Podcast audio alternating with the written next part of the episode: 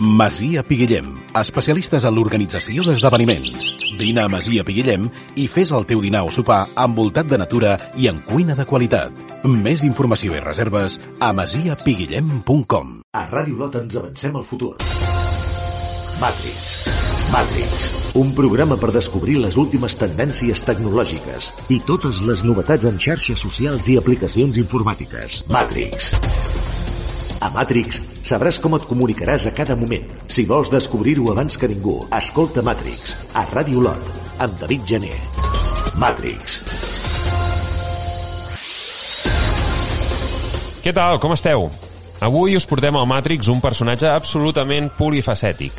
Il·lustrador i dissenyador. Dirigeix un festival de cinema fantàstic i de terror a Girona i està treballant en la pròxima pel·li d'animació de Pablo Berger, Mentrestant, també gestiona la seva pròpia distribuïdora de curtmetratges. Parlarem amb Paco Cabero. Us convido a relaxar-vos i venir de viatge a Matrix amb mi durant els pròxims 25 minuts. Em dic David Gené, benvinguts a Ràdio Lot, benvinguts a Matrix. Matrix, amb David Gené.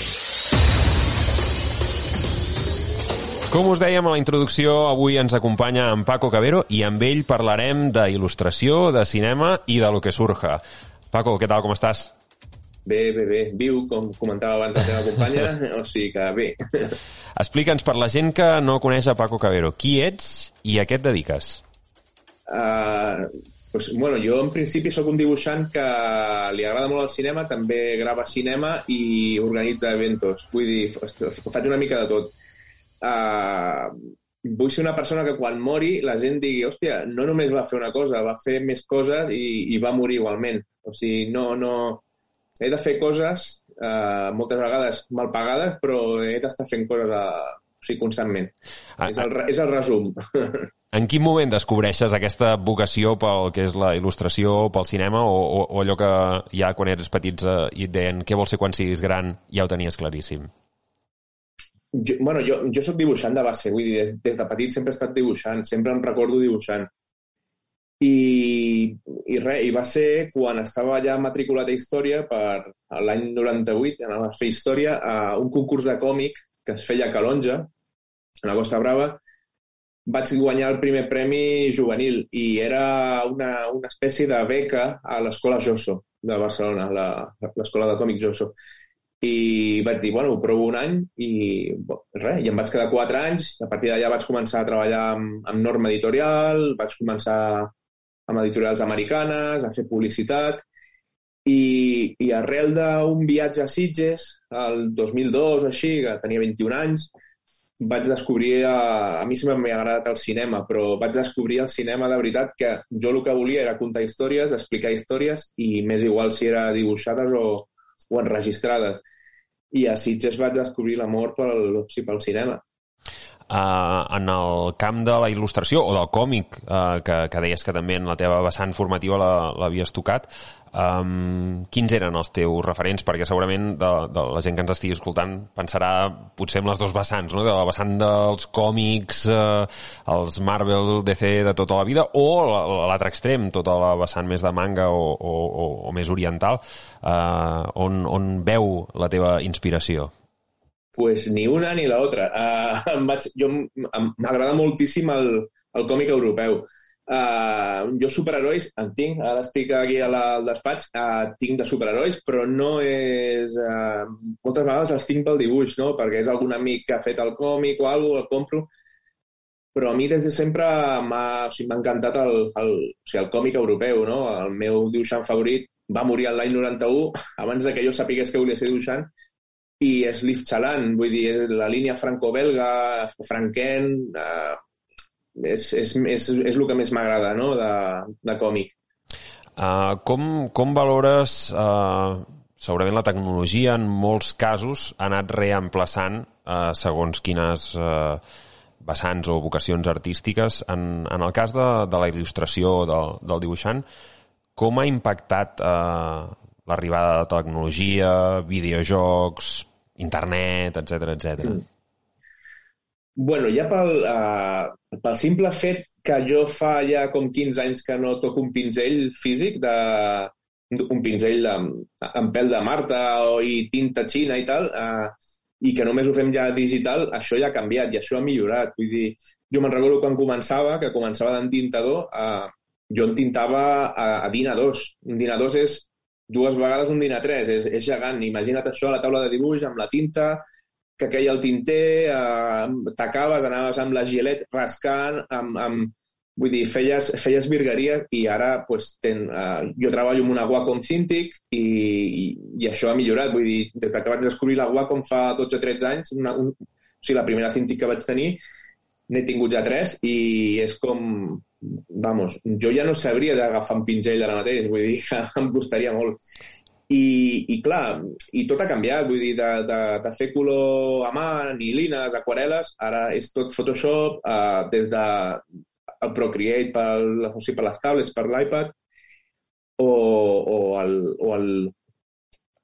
Hòstia, ara no sé com es diu, el Clip Studio, perdona, que antigament es deia Manga Studio, ara es diu Clip Studio, i, res, això ha canviat la meva vida, vull dir, de, de passar d'un llapis i un pinzell a, a fer-ho digitalment. I, I tot va més, tot, és, sigui, tot ajuda. O sigui, el còmic de paper és el que volem, no? Els, els que, els que som d'antiga escola però el còmic digital eh, jo crec que als Estats Units, aquí no tant, no? però als Estats Units i al, al Japó tampoc, perquè són molt de paper, però que, que, que o sigui, acabarà a veure, que es quedarà entre nosaltres i, i, i, és, el que, i és el que es quedarà, el digital, vamos. Entenc que, més enllà d'això que deies, no? de que existeix el control Z, no sembla Wacom com, com fas això de desfer el que, quan comets un error, el, el, la gilet digital, per entendre'ns, per, per corregir. Suposo que la producció amb aquests mitjans eh, accelera moltíssim la capacitat de, de generar contingut, no? Sí, i també és una mica una... A veure, també és un hàndicap, no? Perquè antigament tu feies alguna a mà i el client o qui fos sabia que s'havia fet a mà i, i es respectava, no? Tu ara ho fas amb l'ordinador i el client et diu, vale, lo quiero rojo, i tu dius, merda, he d'anar, eh, equilibri de color, tal, vermell, i, tu, i, i estàs treballant més. Ara treballes molt més perquè és molt més fàcil solucionar-ho. I aquest és un hàndicap, vull dir, que com és més fàcil, pues, sembla fàcil. Uh, passem de la il·lustració al cinema i de, deixa'm fer el vincle a través de, del teu projecte actual. Uh, Explica'ns què, què esteu fent a Arcàdia i, i amb què esteu treballant. Pues estem, bueno, estem, ja fa dos anys que el director, en Pablo Berger, amb, amb el director d'art, en, en José Luis Ágreda, que és qui va guanyar el Goya amb, amb El laberinto de les tortugues, la pel·li d'en Buñuel, la pel·li d'animació fa dos anys, pues estan immersos en una pel·li d'animació basada en un comic book americà de, de l'artista Sarah Baron, que es diu Robot Dreams. I jo vaig entrar fa nou mesos a, a la part de backgrounds, de fondos, i aquí estic, estic dibuixant fondos, entintant fondos, colorejant fondos i, i res, i és una pel·li molt guapa per un públic una mica estrany, perquè jo, seran per nens però té un humor adult, vull dir, hi ha un, hi ha un, un terreno estrany aquí per, per al target, però la pel·li va quedar, o sigui, quedarà molt xula i, i res, i, estem, i, i treballem digitalment en Wacom, vull dir que es fa, és una animació 2D, no és 3D, eh, o sigui, es fa l'antigua usança, no? dibuixant, fent, pues això, fem el que es feia antigament amb l'animació, però amb la Wacom, amb, amb, amb digital, 2D digital. I, I en aquest cas, eh, per qui no ho conegui, què, què fa eh, un il·lustrador de, de fons, de backgrounds? Mm, quin, quin és l'encàrrec que t'arriba i què és el que tu has de retornar? El meu cas és estrany, perquè jo no tenia intenció de fer mai animació. És una cosa que m'agrada molt l'animació com a espectador, no per fer-la, perquè quan estava estudiant a Barcelona eh, és el que pitjor em donava, fer animació. Vull dir, jo, jo no tinc paciència. I jo sempre deia, pues, no, animació. bueno, de fet, fa com 13-14 anys em van fer una prova per la pel·li Chicorrita de, de Mariscal, i la mateixa setmana em va sortir la possibilitat de dedicar-me al còmic professional, a, o sigui, amb un estudi, fent còmics a, a casco porro, i vaig triar el còmic, tot i estar pitjor pagat que, que la pel·li de Mariscal. I què fa una... Doncs res, eh, tinguent en compte que jo no volia fer animació, a mi em van, em van trucar el director d'art per, clar, jo havia col·laborat amb ell en Tintant i em va explicar que era una pel·li que, que té a veure, que té un, un final, no? té un art final molt similar al còmic. Llavors jo vaig entrar com a entintador, uh, vaig entrar als primers de l'equip i ara estem desenvolupant i desenvolupant el, els episodis, el fondus, vull dir, tot el, pues, uh, de, tot, de tot el que passa a Nova York, que és, que és, on, és on es basa la peli, a Nova York. Uh -huh. uh, treballeu físicament en, el, en un espai o cadascú des de casa seva o des d'un coworking o de, des de remotament? Aquesta és la meva lluita. Uh, és físic. És, uh, anem en, vamos, a unes oficines que estan molt a prop d'on treballa el director. En Pablo Berger té una oficina pròpia des de fa 20 anys a, al centre de Madrid i les oficines estan davant seu. O sigui, vull dir que, que les han llogat i que ho fem allà. Vull dir que crec que es podria fer telemàticament, sí, però també entenc que és una cosa que, que, que si jo acabo un dibuix en aquest moment, el company a l'altra sala, a través de la xarxa interna que tenim, ja accedeix. Vull dir que moltes vegades telemàticament és, vale, espera, que t'envio WeTransfer, espera, que ho pujo al Drive, uh, no m'ha arribat. Sí que és veritat que, que, que hem d'estar més connectats en aquest aspecte. Que es podria fer telemàticament? La meva part crec que sí, però bueno, és, és, és, és el rol que juguem. Jo amb aquestes feines tinc una curiositat i és... Um, no sé, una persona que està en una cadena de muntatge i que treballa de 9 a 5, quan arriben les 5 la màquina es para i tothom pi, uh, marca, diguéssim, la seva fitxa i se'n va cap a casa. Amb una feina de, d'un àmbit més creatiu com seria aquest, com, com organitzes una jornada de feina? Si, si t'enganxa que és l'hora teòricament de plegar i estàs en aquell moment eh, de dir és, és que ara estic aquí eh, en flow, traient creativitat i, i funcionant? Hi ha companys que els hi passa, vale? que pues, es queden més estona. Vull dir, no, no tenim un horari de, o sigui, de fàbrica. Jo, per exemple, entro a les 7 i quart perquè així surto abans. És a dir, jo m'he organitzat de tal forma que, però l'horari pots entrar de 8 a 10 i sortir de, pues, això, mentre facis les teves 8 hores. Sí que hi ha companys que, el que deies, no? que tenen el flow del moment i, i, i no poden sortir perquè si surten els hi trenquen la màgia del moment i tal. Jo, jo reconec que sóc molt funcionari. Uh, jo, quan arriba la meva hora, jo surto, uh, desconnecto, el dia següent torno. Vull dir, no a lo millor els que tenen flow són més joves. Jo ja, jo he entrat en una barrena... L'agafes més ràpid, el flow. Sí, no, o, o no tinc flow, vull dir, faig el que he de fer i, i, i ja està, no? Però sí, sí, és, és el que hi ha. uh, I aquesta pel·li, quan, quan es podrà veure i on?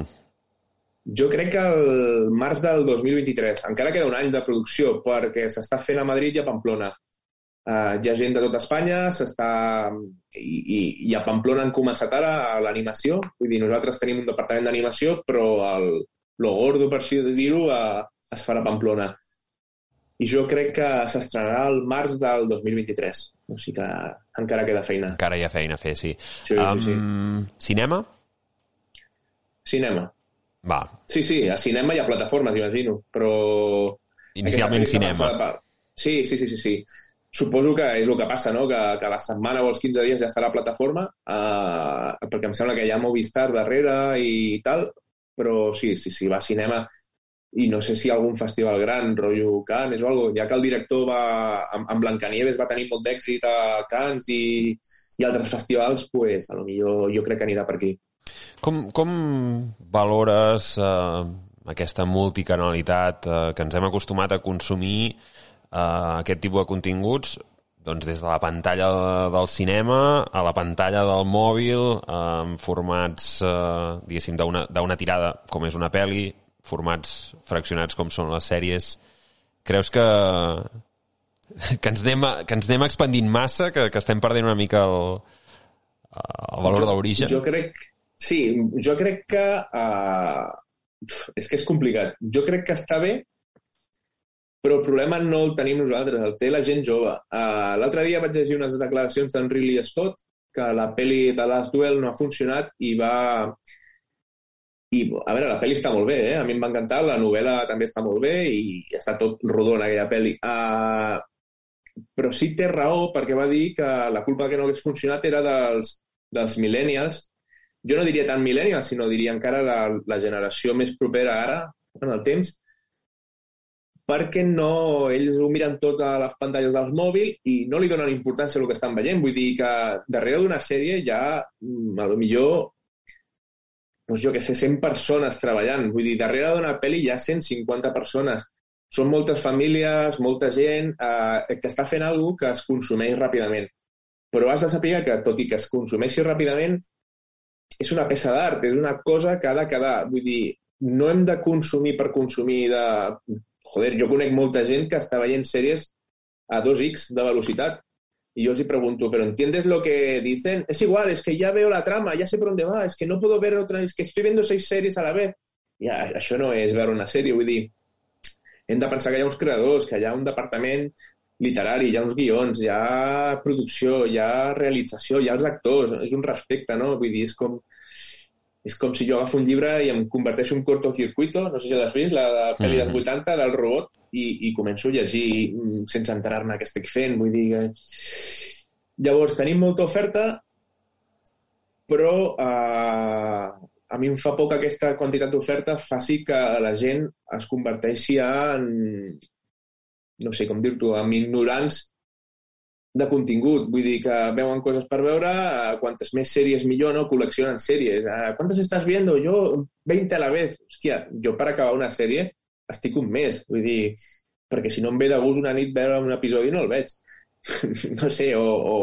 Jo, per exemple, amb la xicota sí que coincidim que, que ens agrada molt més el cine que les sèries, i veiem sèries. I on millor es veu una pel·li és al cinema. Vull dir, en el nostre cas, a casa també, no? Tenim ja la tele gegant, àudio brutal, però jo crec que som de, de l'antiga escola en aquest tema. Una mica potser eh, el que ha passat també amb el menjar, no? que, que, que hem acabat eh, caient a la trampa del fast food i possiblement també amb el consum cultural eh, estem més per la quantitat que per la qualitat. Eh, sí. A, Aprofitant que parlem d'això, eh, parlem d'un altre dels teus projectes, que és eh, YAC Distribució. Eh, Explica'ns què, què fa una distribuïdora, eh, per, pels que no ho sabem. En aquest cas, YAC eh, és distribuïdora de curtmetratges. De curtmetratges. Bueno, també hem portat llargmetratges i és per festivals.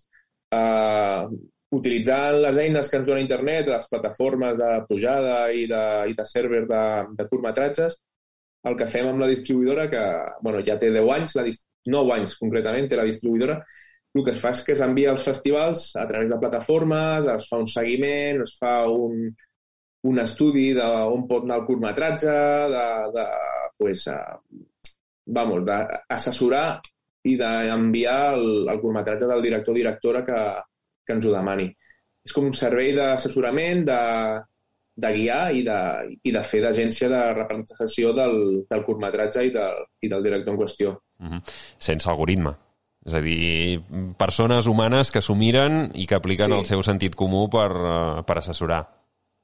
Sí, sí, sí, sí. Vull dir que portem curtmetratges i, i, i cap curtmetratge té el mateix recorregut que un altre. És a dir, és el que tu dius, no hi ha algoritmes, no, no som robots, som persones i, i tot i utilitzar les eines que ens dona la ciència, la tecnologia, eh, hi ha un factor humà darrere de cada, de cada curtmetratge. Deia això dels algoritmes perquè si esteu abonats a plataformes com Netflix, HBO, eh, Prime Video, és a dir, aquestes grans eh, eh, plataformes de distribució de sèries i pel·lícules, cada vegada els continguts mm, donen la sensació de ser més fruit d'estudis eh, i d'algoritmes, estudis de mercat que, que intenten detectar què li agrada a l'audiència que no pas de, del geni i la creativitat de, de les persones. No, no sé si, Paco, ho veus tu de, de la mateixa manera? Sí, sí, sí, això és una mica el que també comentava abans, no? que està fent que ens estem convertint en, en ignorants. No? Tenim una oferta brutal, uh, jo què sé, és com si jo vaig a la biblioteca fa 20 anys, vull dir, perquè ara la biblioteca ho pots trobar tot digital uh, i, i hi ha biblioteques físiques, però bueno, quan no hi havia internet, vale? fa 25 anys, jo vaig a la biblioteca on estudiava quan estava a batxillerat i, i em recomana només entrar, em, ve la secretària de turno o el, el bibliotecari, bibliotecari de turno i m'agafa i em porta de la mà i em diu has de veure aquesta prestatgeria només. Només pots agafar llibres d'aquí perquè considerem que tu, per com ets, per el que ja has llegit, eh, t'has de quedar amb això i jo miro cap a un altre no sé, un, un altre passadís, i veig que hi ha un llibre de color vermell. L'intento agafar, però em frenen. No, no, no, és que tu has d'agafar aquest perquè aquest és el que a tu et convé. Això està passant. Està passant que no ens deixen investigar i, i, i és una pena, vull dir, perquè tenim, tenim, vamos, tenim jo que sé quantes plataformes ja, que si Filmings, Netflix, HBO, tenim de tot. I, i, i és el que tu dius, no? que, que ens estan programant com per hem de fer, jo que sé, això pinta ciència-ficció de la xunga, no? De, de, de, de que acabem com borregos i ens maten uns marcianos d'aquí res. Però, però bueno... Esperem, no sé, esperem que no, parer, esperem que no. Dir, és el meu parer, vull dir, no sé. Alguna, alguna recomanació humana i, i des del teu savi criteri d'alguna pel·li, alguna sèrie que, que ens recomanaries? Uh... Jo ara, a, a dia d'avui, estic com boig per que arribi divendres i veure Casa Fantasmes. Vull dir, sigui, porto... A part, se va estrenar fa dues setmanes, ja, ja m'he menjat un parell de spoilers, cosa que la tecnologia... entres a veure alguna dada de taquilla i en menges un spoiler, però jo estic desitjant veure aquesta. Uh, la darrera pel·li que hem vist a, a cinema és la, la, casa de, la casa Gucci. Uh, està prou bé no m'agrada tant com l'anterior del mateix director, que es va estrenar fa dos anys, la de Last Duel, la, o sigui que es va estrenar aquest any fa dos mesos, un mes i alguna I de sèries, doncs, la veritat és que no veiem la última sèrie del moment. Estem veient ara mateix sèries de fa 4 o 5 anys. Vull dir, la més moderna que hem vist, per així dir-ho, és Missa de Medianoche, i que és així com de terror, vampiros i tal, i, i ja està prou bé, ens va, ens va agradar. Ara també s'estrena La Casa de Papel 5, La Venganza Final, i també tenim ganes a casa i, no sé, una mica de... jo què sé, segons criteri, no? Eh, així triem. Vull dir, a, a mi quan m'agrada triar, intento triar comèdia, coses curtetes i tal, i, i la xicota tria pues, un altre tipus de sèries, però ens complementem força bé. Uh, ets usuari d'Instagram? Sí. Algun perfil que recomanis seguir pels uh, il·lustradors o, o, o fans de la il·lustració de, que escolten el Matrix? M'has matat ara mateix. M'has matat perquè o sigui, segueixo un mogollon, però no me'n recordo mai dels noms. Uh, veig uh, influències, m'agrada, mira, tal, aquest ha fet això, però... Quin, quin és el teu perfil? Perquè igual, seguint-te tu, uh, poden veure perfils el meu perfil, el vols dir, la, la, la, el, a, o sigui, arroba Paco sí. Cabero, no? Arroba, arroba Paco. Paco Cabero. Va, també baixa. Doncs sí. I, sí, sí. I tinc aquí de tot. Tinc dibuixos, tinc viatges, fotos de viatges, fotos de rodatges i tal. Vull dir. A mi m'agrada m'agrada Instagram suposo perquè ja sóc iaio, no? Perquè ja el Facebook, ja, quan dius que tens Facebook ja et miren malament del rotllo vés a l'esplai Sant Jordi a jugar a dominó però jo que sé, Instagram sí m'agrada perquè és una mica el recull de lo que tu... Os... O sigui, Instagram amb mesura. Vull dir que hi ha gent que puja cada dia 34 fotos de plats i de, i de tot amb mesura. Vull dir que fer com algú com, no que sigui una obra d'art, però dir, hòstia, he pujat això perquè necessitava pujar això. I, i tal. TikTok no en tinc, però sóc força assidu al Twitter, que també és una altra cosa de, del Place to Say, ja, i, i res, i Instagram sí. Um, segueixes el fenomen de, dels NFTs? Sé el que és, sé com va, uh, però jo crec que no sé com entrar. Eh? Vull dir... Val, ho dic perquè es parla de, del fenomen NFT, que és aquest sí. sistema pel qual eh, artistes, en aquest cas com, com és en, en Paco Cabero, poden monetitzar les seves creacions eh, en format digital. És a dir, fins ara, l'art analògic, l'art físic, l'art que es pot tocar, tu podies vendre un quadre, però clar, en el moment que aquest eh, document era digital, doncs, bueno, podia circular eh, fins a, a aquesta innovació tecnològica que permet certificar digitalment les creacions i, per tant, per tant, que les persones puguin comprar aquestes creacions que estan certificades, tenen un certificat d'autenticitat i, i que se suposa, se suposa, i pos, poso insistència en això de que se suposa, ha de permetre monetitzar la, la creativitat, com, com és el cas d'en Paco. Com ho valores? si és pel bé de l'artista, perfecte. Vull dir que no tinc ni idea o sigui, com s'entra. Sé el que és, vull dir, sé que en Gerard Piqué s'ha forrat gràcies a això.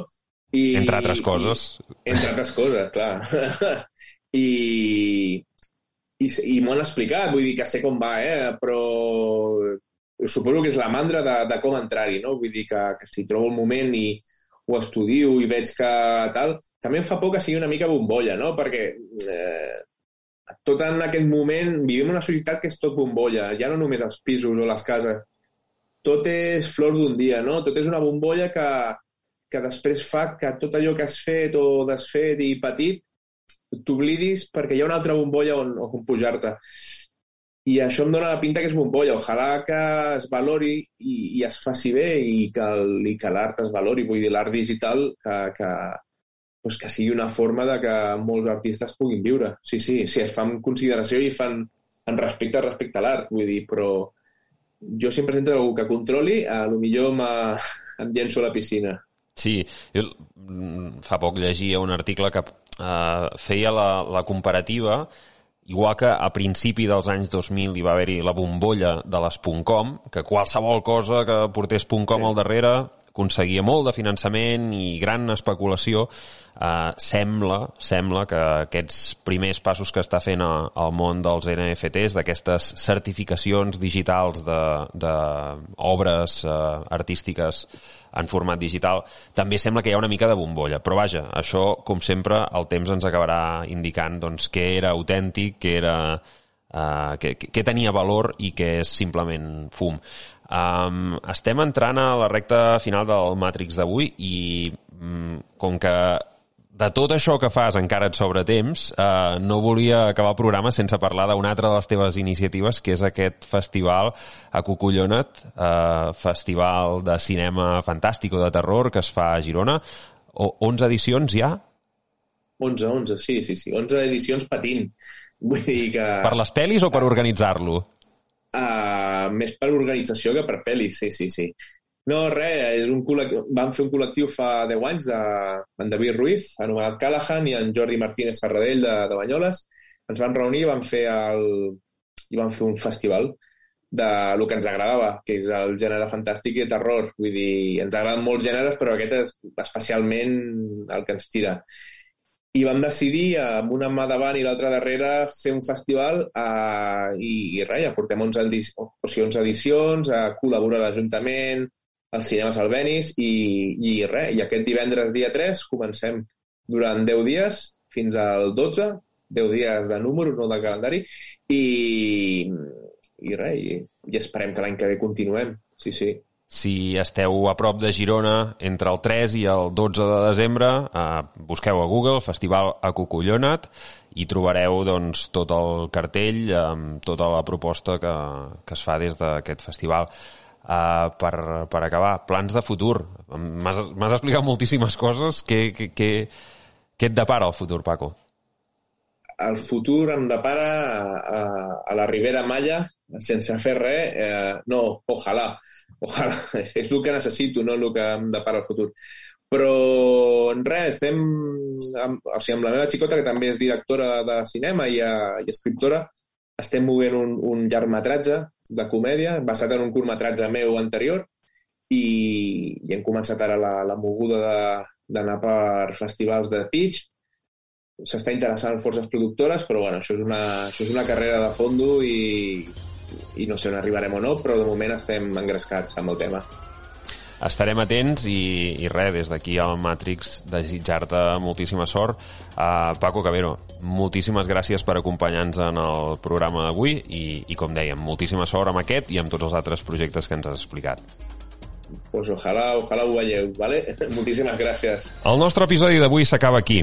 Han estat 25 minuts de viatge Matrix amb Paco Cabero. Abans d'acabar, us recordem també que podeu contactar amb nosaltres a l'adreça del programa matrix arroba volcanic.cat i que podeu escoltar els anteriors episodis des del servei de ràdio a la carta de la web de Radio Lot, radiolot.cat i des dels directoris més populars de podcast, Spotify, Apple, Google Podcast i iVox. Fins aquí un nou capítol de Matrix. Un agraïment per l'Almudena que ha col·laborat en la producció del programa i també als companys de Ràdio Olot per acabar de fer la màgia necessària per fer-lo sortir en antena. I recordeu, ja queda menys pel pròxim Matrix amb nous personatges i noves històries del món connectat en el que vivim. Avui, però, desconnectem.